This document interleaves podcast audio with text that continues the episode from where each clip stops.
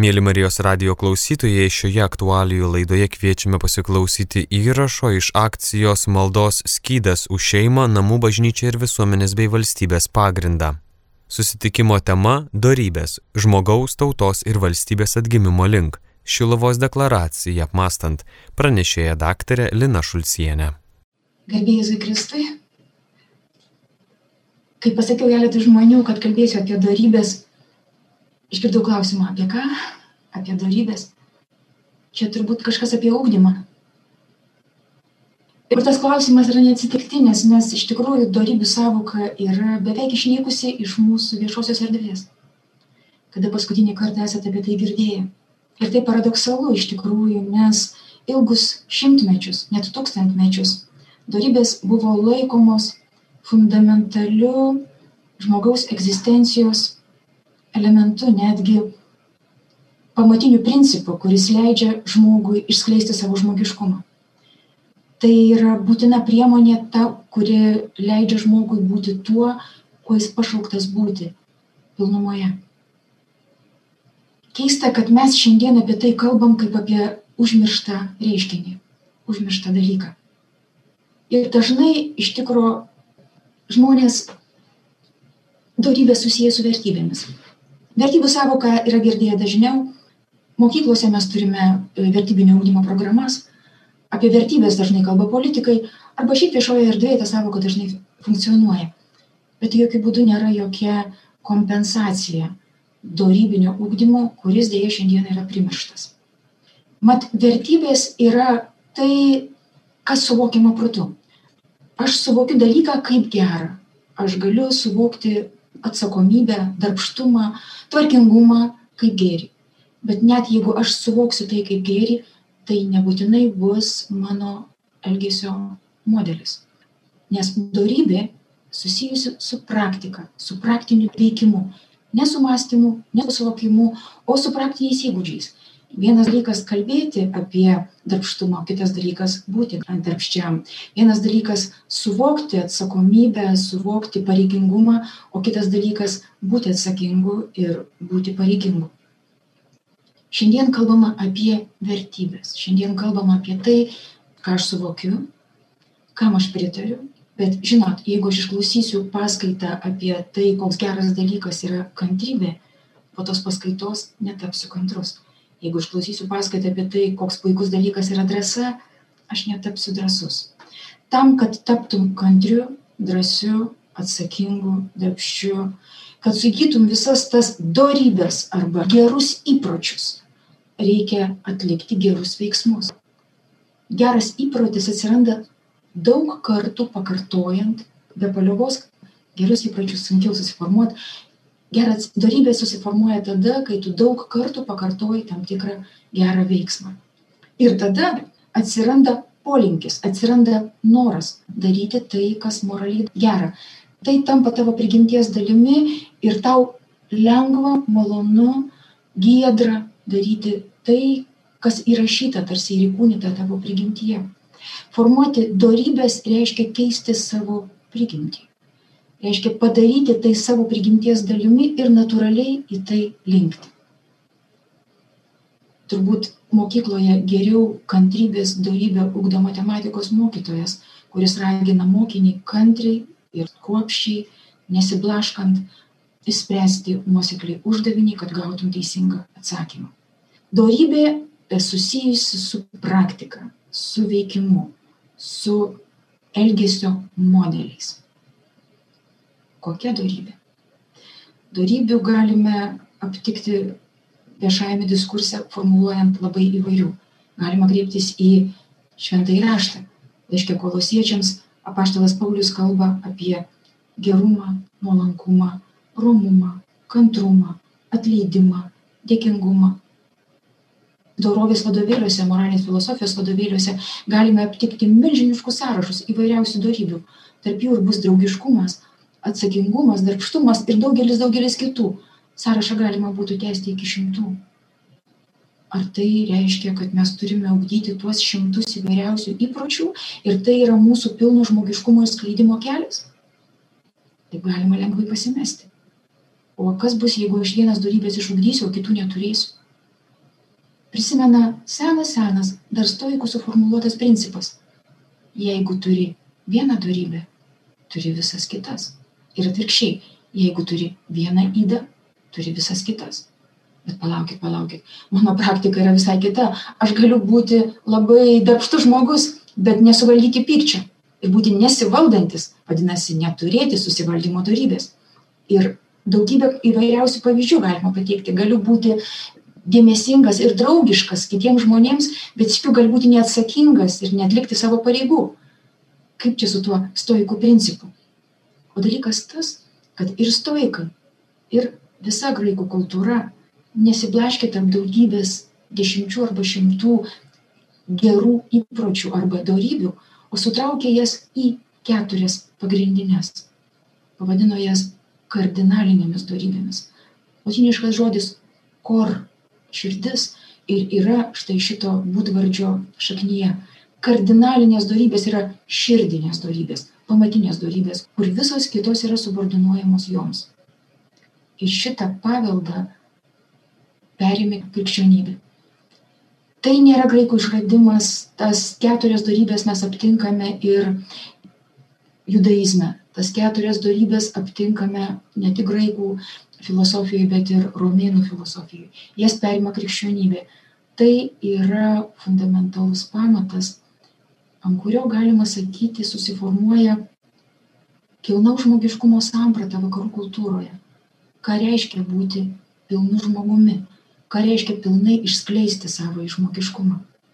Ilgus šimtmečius ir net tūkstantmečius keturios kardinalinės darybės papildytos trimis dieviškosiomis dorybėmis - tikėjimu, viltimi ir meilė - papildytos, pripildytos, perkeistos, sudarė tą pagrindą, kuriuo remiantis buvo galima ugdyti žmogų, kurti įstatymus, formuoti socialinę ir valstybinę santvarką ir sąrangą. Tai buvo tam tikras, na, reguliatyvinis pamatas. Nesakau, kad pakeičiantis įstatymus, nesakau kad priverčiantis žmones įstatymo galia gyventi pagal tokius principus kokius formulavo keturios pagrindinės dorybės protingumas teisingumas tvirtumas arba drąsa ir susivaldymas nesakau kad tai turėjo įstatymo galią tai buvo principai kuriais remiasi įstatymų leidyba kurie tam tikra prasme tapo Europos kultūros šaknimi.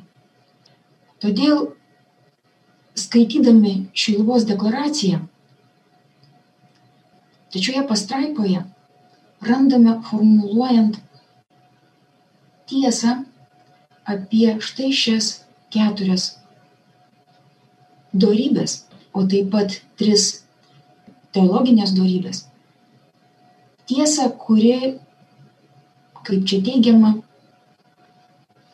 skamba kaip fundamentalus Europos kultūros principas, kaip Europos kultūros pamatų kertinis akmuo.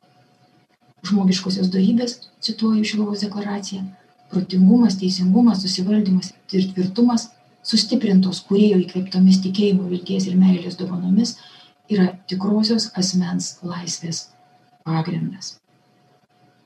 Taigi tai, apie ką šiandien ketinu kalbėti, yra keturios fundamentalios, kardinalinės, širdinės dorybės - protingumas, teisingumas, tvirtumas ir susivaldymas - pripildytos, perkeistos trimis teologinėmis dorybėmis - tikėjimu, viltimi ir meilė.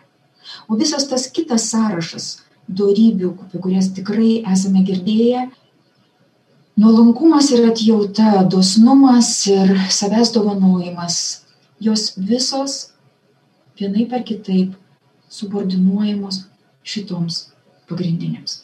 Ir šiandien aš norėčiau visas keturias šias darybės kartu su jumis apžvelgti. Norėčiau pradėti nuo pirmos, nuo protingumo. Dalykas tas, kad protingumo darybė, protingumo savybė šiandien yra suvokiama gerokai kitaip negu apie protingumą kalba krikščioniška moralės filosofijos tradicija. Dažnai protingumas yra siejamas su smulkiai apgalvota savisauga arba su savanaudišku rūpinimusi savimi ir šitame kontekste kažkoks toks tiesumas, tvirtas pasiaukojimas kartais laikomas kvailumu arba neprotingumu.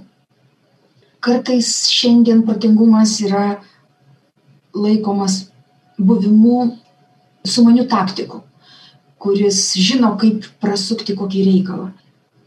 Kartais jis siejamas su suktumu. Ir šitas viešo erdvėje dažnai sutinkamas savokos turinys, jis gali klaidinti ir klaidina, žinoma, kai tenka prabilti apie tikrąją protingumo reikšmę.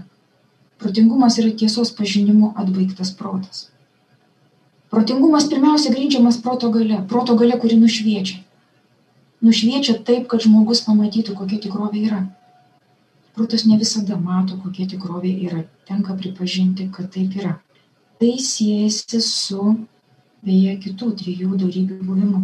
Ir nors protingumas yra pati aukščiausia, pagrindinė ir fundamentali darybė, kuri yra visų trijų kitų darybių gimdytoja ir grindėja, vis dėlto pats protingumas gerokai priklauso nuo kitų darybių - teisingumo, tvirtumo ir susivaldymo nes jų buvimas ar nebuvimas, jų veikimas žmoguje lemia tiesiogiai tai, ar ir kiek tu gali pažinti tikrovę, kokia jinai yra.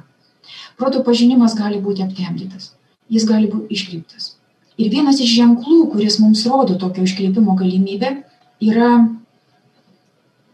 atminties defektyvumas. Žiūrėkit, juk mes, kai žvelgiame į tikrovę ir bandome ją pažinti, mes pažįstame ne tik dalykus, kurie vyksta dabar. Didelė mūsų pažintinio vaizdo dalis siejasi su praeitimi, su tai, ką mes patyrėm, pažinom, ką suvokėm. Ar mūsų atmintis veikia taip, kad fotografuotiniu būdu ir dabar atskleidžia tikrovę, kokia jinai yra? Nėra taip. Mūsų atmintis net mums nepastebint ir labai sunku tą pamatyti kartais, nežymiai, nejučia, retušuoja, praeities įvykius.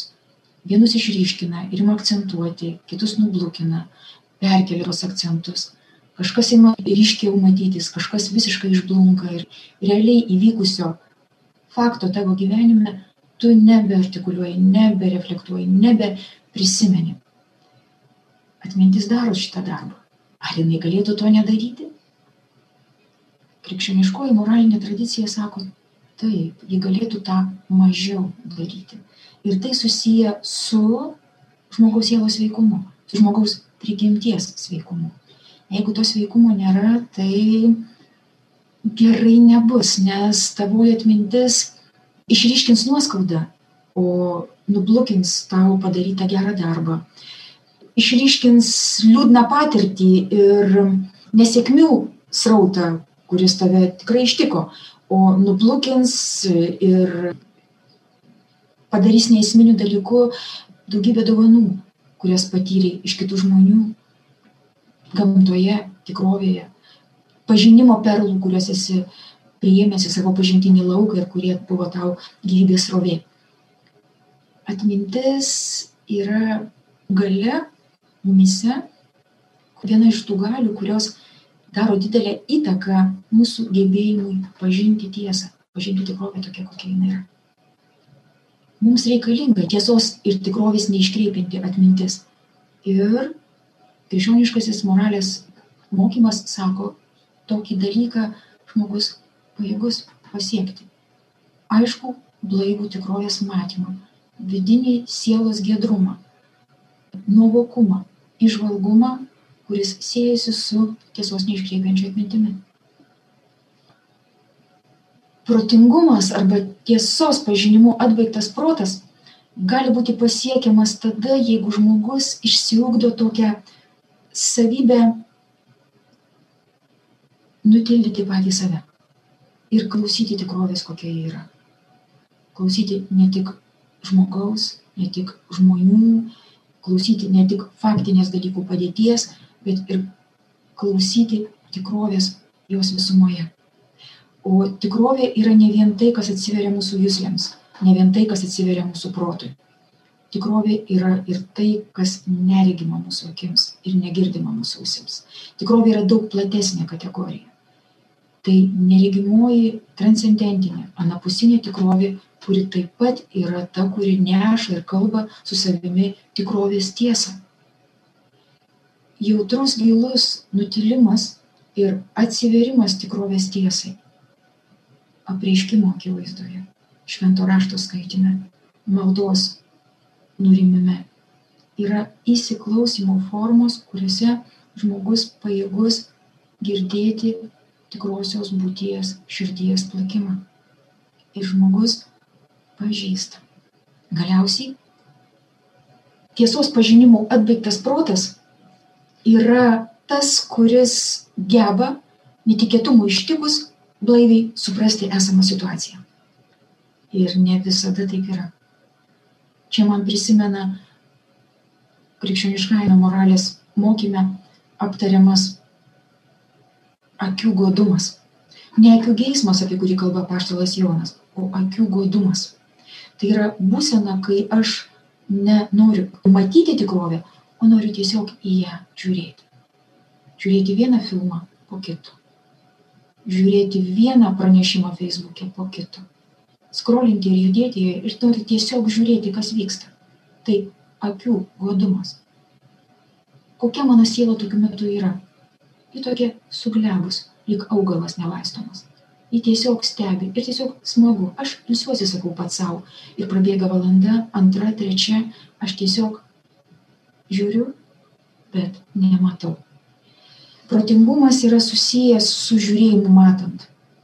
Tai budrus matymas tai girdi žmogų ir budriai klausai, ką jis sako. Girdi visus jo žodžius. Tai stebi reiškinį ir budriai matai jį. Ir tada tas budrumas leidžia blaiviai, greitai reaguoti tinkamai tai. Atsakymų, reakcija, veiksmų. Ypatingai, kai bėda ištinka. Ypatingai, kai koks netikėtas dalykas, į kurį reikia adekvačiai ir rimtai reaguoti.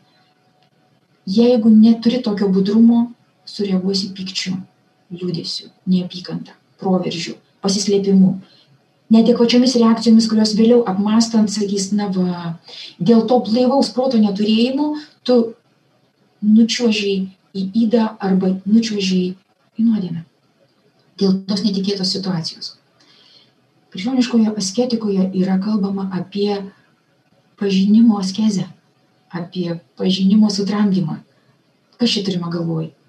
jeigu jauti, kad žiūri, bet nematai, tai tai, ką tu darai, nėra tai, kas galėtų atgaivinti tavo protą. Priešingai tu jį nuvargini.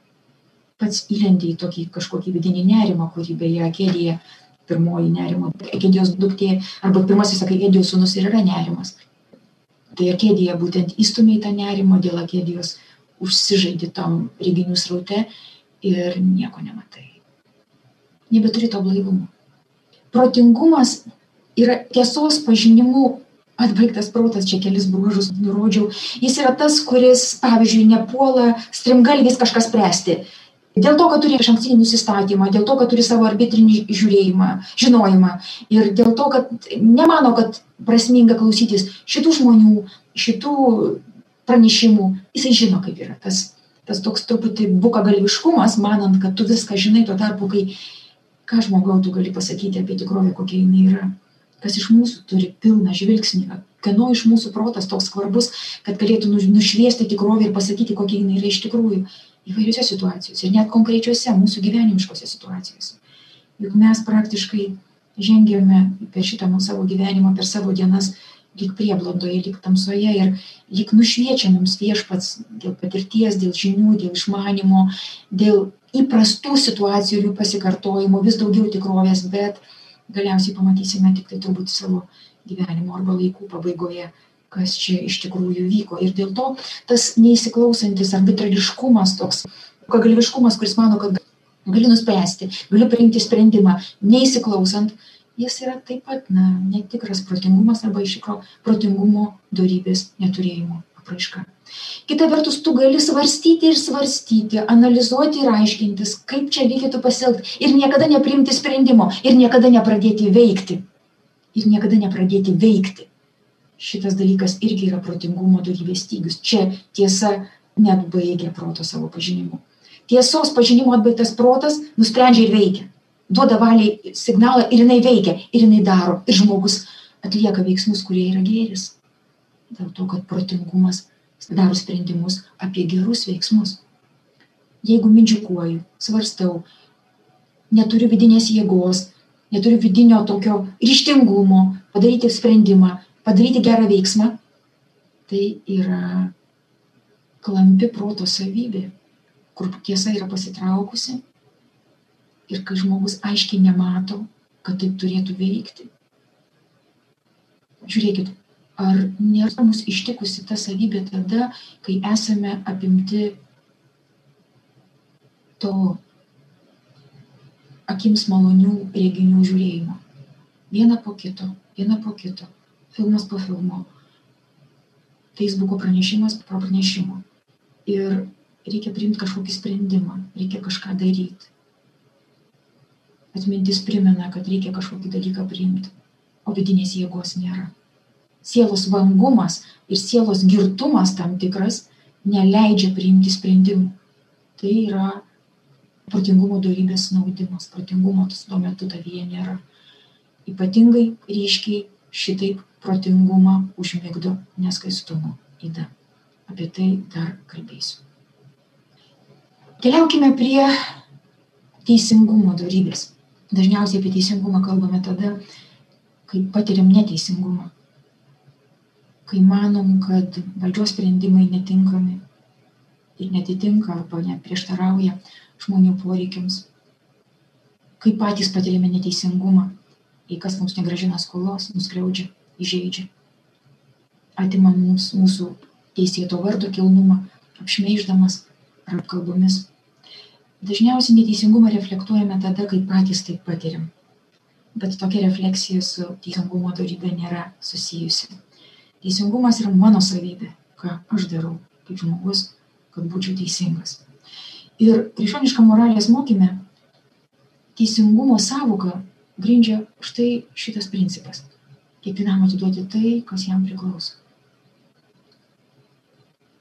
Ir ne tik tai, kad jei pasiskolinau pinigų, tai privalau ir gražinti, nes tie pinigai tam žmogui priklauso. Atiduoti kiekvienam, kas jam priklauso, yra labai bendras ir labai daug dalykų apimantis principas. Aš norėčiau jį aptarti tokiem dviem aspektais. Nu, Šveniškam moralės e, mokyme paprastai teisingumas suvokiamas tokiam trim rakursais. Tokie mainų teisingumas, paskirstomasis teisingumas ir įstatymų teisingumas. Ir aš norėčiau aptarti va, būtent pirmosius du - mainų teisingumą ir paskirstomąjį juose abiejuose funkcionuoja štai šitas principas. Kiekvienam atiduoti, kas jam priklauso, tik tai kitų būdų. Kelkime klausimą, kaip aš galiu būti teisingas, kokiu būdu galiu išsiugdyti teisingumo darybę. Mainų teisingumo atveju. Mainų teisingumas yra, kai žmonės sieja sutartys, pavyzdžiui, rašytinės arba žodinės, arba ne jų pačių priimtos, o anksčiau priimtų, sakykime, kartų sutartys ir jos grindžia tam tikras taisyklės, elgesio modelius ir tu tokiame santykėje esi, na, tam tikrą prasme skolingas, tu turi kažką padaryti, tu turi tam tikrą skolą gražinti. Tai toks proporcingumo sureguliavimas, tai, na, sakykime, ten, nežinau, aš gaunu kažkokią paslaugą ar daiktą ir atiduodu už tai pinigus, aš gaunu tam tikrą meilės gestą, atiduodu už tai maldą ir tai yra, na, tarpusavio mainų teisingumas. Skolos gražinimas kitam. Aš esu skolingas. Ir todėl teisingumo jausmas, man, ta mano skola man leidžia suprasti ir aš bandau gražinti tą skolą. Bandau gražinti skolą žmogui, kuris man padarė gerą darbą ir sakau, dėkoju tau dėkingumu. Bandau gražinti skolą na, savo tėvams, pagarbą jiems. Bandau gražinti skolą Bet žiūrėkit, net ir tėvų atveju, ar tas skolos atidavimas, ekvivalentiškas skolos atidavimas yra įmanomas? Tikrai ne. O Dievo atveju, iš Dievo esu gavęs gyvybę ir visa kita, gebėjimų, situacija, žmonės, tėvynė, visai esu gavęs iš jo. Ar tokiu atveju aš galiu atiduoti Dievui skolą, o teisingumas reikalauja atiduoti skolą. Kiekvienam, jeigu mainų principų, proporcingumas, aišku, mainų principas reikalauja, kad aš atiduočiau kitam. Jeigu savo tėvų atveju aš ekvivalentiškai negaliu atiduoti skolos, beje, krikščioniškoje tradicijoje santykis su tėvais yra įvardyjamas pieteto vardu, itin pagarbaus santykio vardu aš negaliu santykio žodžiu, aš negaliu atiduoti tau, mano mama arba tėti, tai, ką esu iš tavęs gavęs. Gyvybės, rūpeščio, daugybės dienų ir naktų, kurios buvo investuotos į mane, įdėtos daugybė meilės, kiek aš gavau. Ir mano kaip skolininko laikysena tėvų atžvilgių yra didelė pagarba, kiek įmanoma, didelė pagarba. Tai teisingumas. Jeigu nejaučiu tos pagarbos, neišgyvenu jos, tai yra neteisingumo ženklai manyje. Ir panašiai Dievo atveju. Dievo atžvilgiu aš esu skolininkas. Kaip būtų galėčiau atiduoti Dievę tau savo skolą? Tame ir slypi didžiulio troškimo garbinti Dievą šaknis. Aš noriu garbinti tave Dievę, nes tai yra teisinga. Žinoma, jūs galite sakyti, kad garbinimas Dievo kyla ne iš teisingumo, o iš meilės. Meilės santykis yra daug gilesnis. Tikrai tiesa, visiškai teisingai, teisingumo ir meilės santykiai yra subordinuotas viena kitams, meilės santykis yra aukštesnis, nes teisingumas sako kiekvienam savo, o meilė sako, visa kas mano yra ir tavo. Todėl meilės santykis yra aukštesnis. Bet jeigu apie jį nekalbam, inspiruoti garbinimą Dievui, pakankamas pagrindas remiantis teisingumu. Jeigu noriu būti teisingas žmogus ir suvokiu, kiek Dievas į mane įdėjo, kiek jis man davė, tai tada mano kaip skolininko laikysena yra garbinimo santykis ir tas garbinimas yra apstus. Tuo galima paaiškinti tą prabangą, kuri yra šventovėje.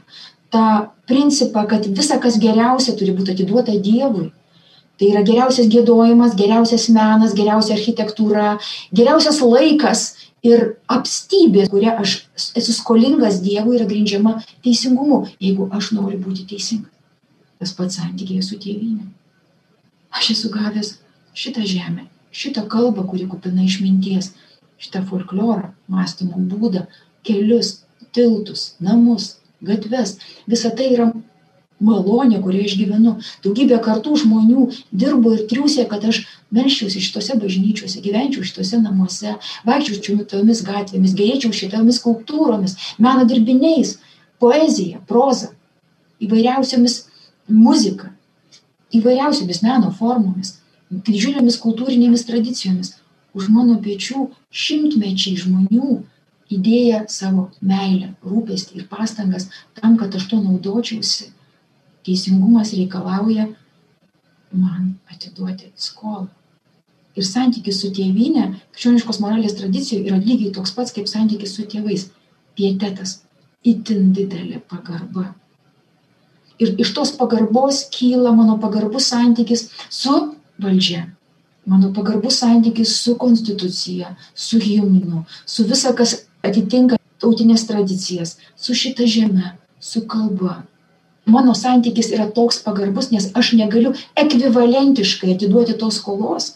Ir dėl to mano pagarbumo laipsnis pakilėtas. Tai ne šiaip pagarba, tai pietėtas, tai itin didelė pagarba. Ir tėvams, ir tėviniai.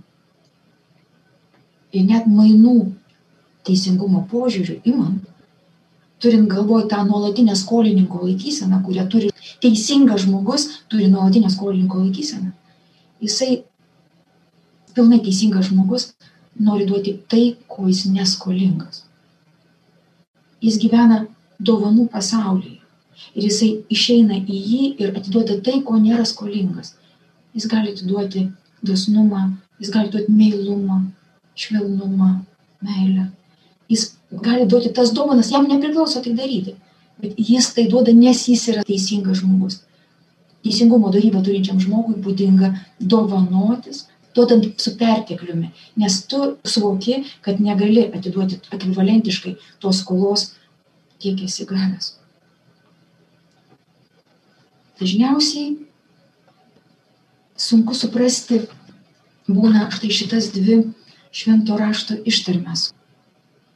Bet mano dabartinis paaiškinimas veikiausiai leidžia geriau ją suprasti. Žiūrėkit, aš pasininkauju du kartus per savaitę. Atiduodu dešimtinę iš visko, ką įsigyju. Tiesą sako fariziejus. Jis tikrai daug daro. Bet ši jo ištarmė yra neteisingumo apraiška todėl, kad Dievo atžvilgiu galima tik apstybės laikysena. Visa, ką atiduosiu, bus per maža. Ir todėl gerokai didesniu teisingumu alsuoja 17 skyrius 10 eilutė Luko Evangelijoje. Taip ir jūs, atlikę visą, kas buvo pavesta, sakykite, esame nenaudingi tarnai. Padarėme, ką turėjome padaryti. Tai teisinga žmogaus laikysena. Tačiau dažniausiai mes kalbame apie teisingumo savoką, turėdami galvoje valdančiuosius. Trumpai tariant, kai mes kalbame apie vadinamąjį paskirstomąjį teisingumą, čia turime galvoje teisingumas, kurį valdovas, kaip apibrėžia Aristotelis dar savo laiku, valdovas bendrąjį gėrį paskirsto pavieniams tautos asmenims arba bendruomenės asmenims. Šiandien mes turime išrinktuosius tautos atstovus, tai jie šiandien tą funkciją atlieka. Paskirstomasis teisingumas. Žinot, paskirstyti bendrąjį gėrį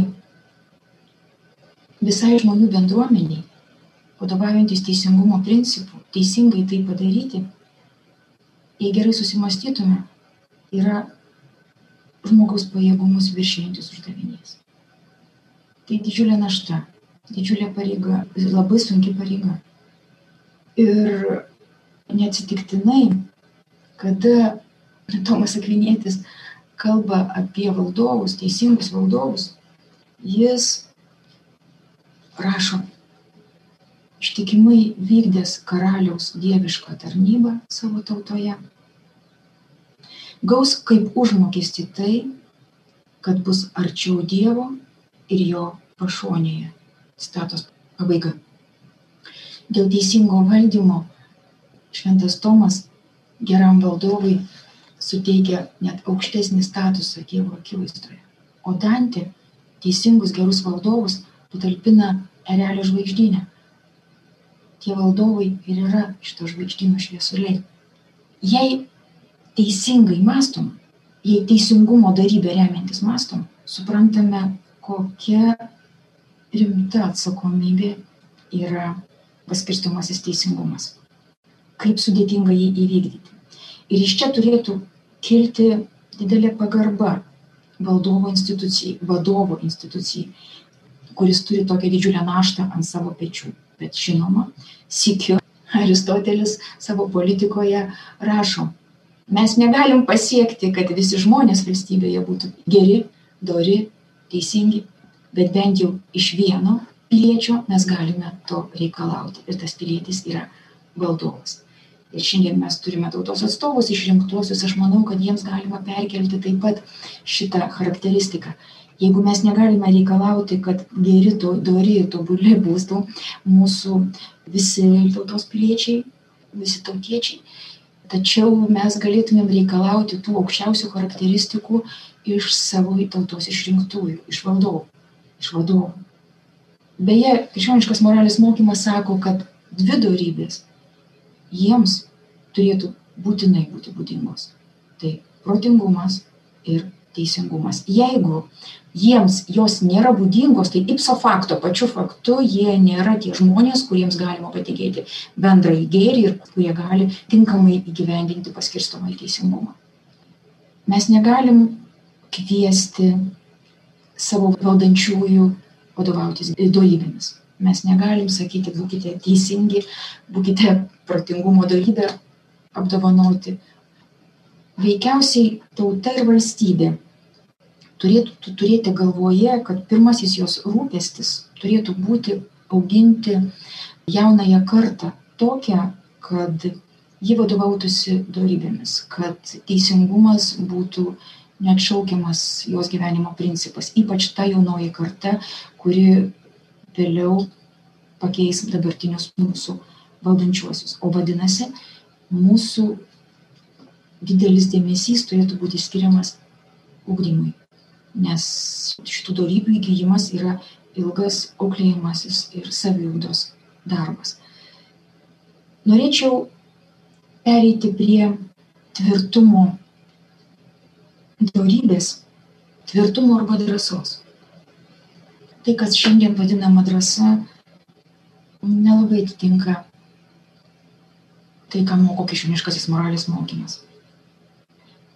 Nutrukt galviškumas, neapdairus statymas savęs į pavojų, nėra tvirtumas. Toks optimizmas, man nieko nenutiks, nėra tvirtumas. Nebijoti nieko nėra tvirtumas. Tomas Akvinėtis, kalbėdamas apie karių šaunumą, rašo, galimas daiktas, kad mažesni šaunuoliai yra geresni kariai. Krikščionis brangina savo gyvybę, jis brangina sveikatą, jis brangina laisvę, jis neniekina jų ir neatsisako. Tačiau krikščionis turintis tvirtumo darybę yra pajėgus aukoti nusavybę, dispoziciją, padėti visuomenį, sveikatą ir net gyvybę.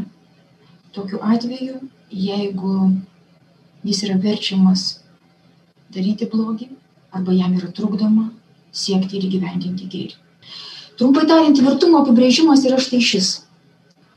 Neleisti, kad baimė priverstų mane daryti blogį ar trukdytų įgyvendinti gėrį. Tvirtumas reiškia dviem būdais - atsilaikyti arba pulti. Ir ryškiausias ir pilniausias tvirtumo išsiskleidimas, kai tu atsilaikai. Nors pulti kartais reikia yra situacijų, kur tikrai reikia pulti ir tikrai reikia pykčio ir pasitikėjimo savimi. Krikščioniška moralinė mokymė pyktis yra gera savybė. Grigalius didysis sako, kad protui dažnai reikia pykčio, kad jisai įgyvendintų savo sumanimus. Kokius sumanimus? Bet koks sunkus gėris, kad būtų įgyvendintas, reikia pykčio. Jeigu tau reikia įveikti aukštą kalną tu neši ant savo pečių sunkią kuprinę ir tau reikia žengti tuos paskutinius tris šimtus metrų tau reikia pykčio jėgos kad tu galėtum tai padaryti. Kai labai sunku kažką padaryti tau reikia pykčio jėgos. Ne to pykčio kuris užsiplieskia tavyje kai neteisingumą patiri. Pyktis reikalingas kaip vidinė aistra įveikti sunkią kliūtį ir jis taip pat pasireiškia tada, kai yra neteisingumas socialinis, politinis, arba neteisingumas tavo viduje, pavyzdžiui, neskaistumas tavo viduje. Pyktis yra tas, kuris įveikia tą neskaistumą, kuris tavyje sukyla. Pyktis yra labai gera gale. Jis gali būti bloga gale. Apie tai pakalbėsime, kai kalbėsime apie susivaldymą. Tada, kai jisai netitinka proto tvarkos, jis tampa nuodėme. Bet kai pyktis atitinka proto tvarką, jis yra naudinga ir labai gera savybė tvirtumo galia be pykčio dažnai yra neįmanoma. Kartais reikia pulti, kartais reikia pasitikėti savimi. Bet tai nėra pats svarbiausias dalykas - atsilaikimas su kantrybė. O kantrybė yra darybė, kuri neleidžia nuliūsti, kai jis įskaudintas, neleidžia sielai suglepti, jeigu patiri tam tikrą pralaimėjimą. Susivaldymas susivaldymas irgi šiandien suprantamas ne visai taip, kaip krikščioniška moralinio mokymo tradicija suvokia. Dažnai mes kalbam apie susivaldymą kaip susilaikymą, pavyzdžiui, apie, apie valgį ir gėrimą. Arba susivaldymą dažnai siejam su pykčiu. Suvaldyk, sako, savo pyktį. Ir tada va, toks susivaldymas, tarsi aistra suvaldyk, valdykis vienoje kitoje situacijoje, jis iš tikrųjų maža ką bendro turi su krikščionišku mokymu. Pasižiūrėkite į mūsų viešpatį Jėzų Kristų, į jo besaikę meilę, į jo visišką savęs atidavimą, be jokių ribų. ten jokio susivaldymo, susilaikymo nėra. Toks pilnas išsiskleidimas prigimties žmogiškos ir dieviškos. Jėzuje Kristuje mums yra pavyzdys ir toksai susiaurintas susivaldymo darybės supratimas tikrai nėra krikščioniško mokymo dalis. O kasgi yra susivaldymas? Drausmė, kuri įveda darną sieloje. Drausmė, kuri įveda ramybę sieloje. Ir aš kalbu ne apie tą tokią ramybę, kai nusiramini subjektyviai, ten pasitenkinimą kažkokį jauti, kurį suteikia koks nors jaukus patogus gyvenimas, gerai pažįstamoje aplinkoje. Arba, pavyzdžiui, tikrai tai nėra beaistris jausmų vienodumas, netokia ramybė. Tai drausmė, darna sieloje. Ką tai reiškia, kaip tai pasiekti? Susivaldymas yra savęs nepaisanti savisauka. Paradoksalu, ar ne? sakinys, kuris savyje turi prieštaravimą, tarsi koks apskritas kvadratas. Savisauga, kuri nepaiso savęs. Apie ją jau truputį kalbėjau anksčiau, kai kalbėjome apie tvirtumą, kai sakiau, kad nepaisydama žaizdų ir net rizikuodamas prarasti gyvybę, tu įgyji daugiau būties. Tai yra tikroji savisauga. Tikrasis savo savisaugos įgyvendinimas. Ir atvirkščiai, palaidumas yra greunanti save savisauga. Tai yra savigriova todėl kad palaidumas yra praktiškai susitelkimas į save. Negebėjimas savęs dovanoti negebėjimas savęs atiduoti. Tai yra susikoncentravimas dažnai konvulsyvus susikoncentravimas į save.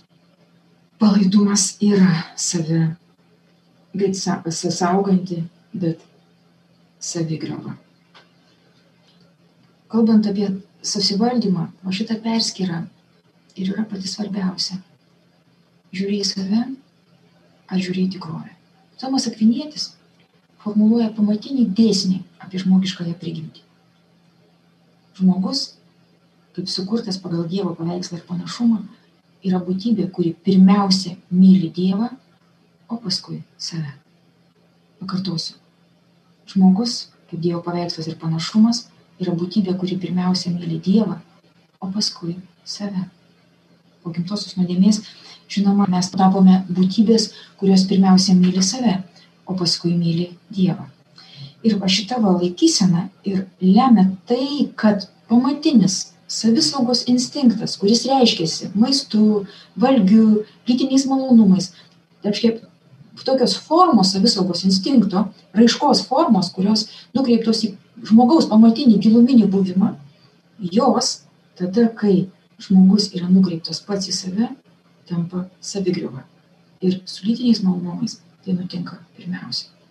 Kai žmogus yra nusikreipęs į save ir išgyvena lytinį troškimą, lytinį geismą, tai gali iššaukti jo savigriovą. Lytiškumas krikščioniškoje mintyje nėra joks blogis. Tikrai nėra joks blogis. Lytinis troškimas yra žmogiškos būties, žmogiškos būtybės sąrangos pamatinis elementas ir lytiškumas niekada krikščionybėje nėra buvęs blogis. Priešingai, krikščioniškos minties tradicijoje labai dažnai radikalus asketizmas siejamas su erezijomis. Dažniausiai eretikai buvo žmonės, kurie laikėsi radikalaus asketizmo. Atkaip tenka į tai atkreipti dėmesį. Beje, įdomus yra šventojo Jono Auksaburnio vienas pamokslas, kuris yra skirtas pradžios knygos fragmento ir tu taps vienu kūnu komentavimui. Kalbėdamas apie sutoktinių susijungimą, šventas Jonas Auksaburnis prabyla. Ko rausti, lik būtum eretikas, juk tai skaistu. Tekstuose yra likusi šitą ištarmę. Nežinia, kam jis tą ištarmę yra pasakęs. Skaistumo darybės esmė drausminant lytinę jėgą įgyvendinti proto tvarką lytiškumas, kuris funkcionuoja pagal proto tvarką, yra skaistumas. O neskaistumas žmogų greuna. Kodėl ir kokiu būdu? Dalykas tas, kad neskaistumas labiausiai iš visų įdų sugadina protingumo darybę. Žmogus nebemato tikrovės, kokia jinai yra. Atsiranda toks dvasios aklumas, senka sprendimo jėga. Na, pamenat, kalbėjau apie akių godumą. kuomet žiūri vieną po kito, žiūri vieną po kito filmą, paveikslėlius, kažkokius dalykus, žiūri, bet nematai, žiūri, bet nematai ir nubukini proto galę. Ir tada dvasia jau nieko nebemato ir nebesupranta, negali kalbėti apie tikrovę, kokia jinai yra iš esmės. Ir dvasia vangi, tingi ir jinai nieko negali priimti ūmiai reikalingo, teisingo sprendimo su neskaistumu dar blogiau. Dvasia ne tik, kad Ne tai, kad žmogus atsigrėžia į žemus arba vislinius dalykus. Dvasia net nebenori matyti, kaip yra iš tikrųjų.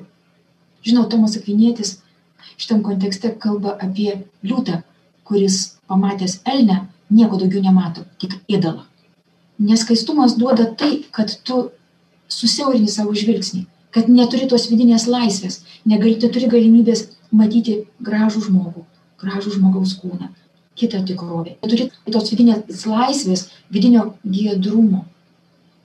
Ir svarbiausia, neturi džiugumo.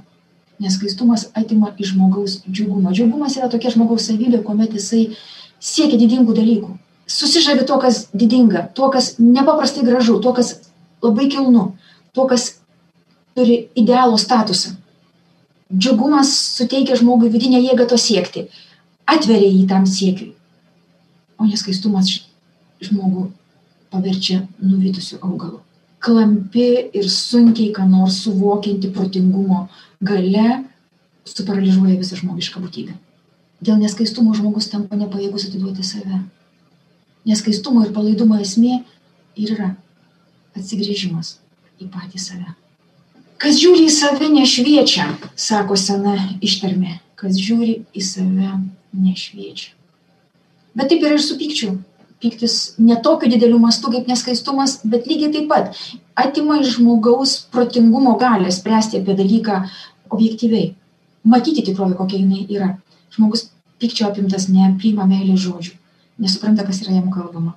Selektyviai priima informaciją ir panašiai. Jis nemato tikrovės kokia jinai yra iš tiesų susivaldymo dorybė yra labai svarbi bet ji gydoma ne tik konkrečias negalias vienaip ar kitaip iš savęs preparuojant bet labiau išeinant iš savo egzistencinio centro, nebebūnant konvulsiškai įsikibus į patį save, nesiekti savo savisaugos, savo saugumo, nes kas yra neskaistumas, savo savisaugos netvarkingas įgyvendinimas.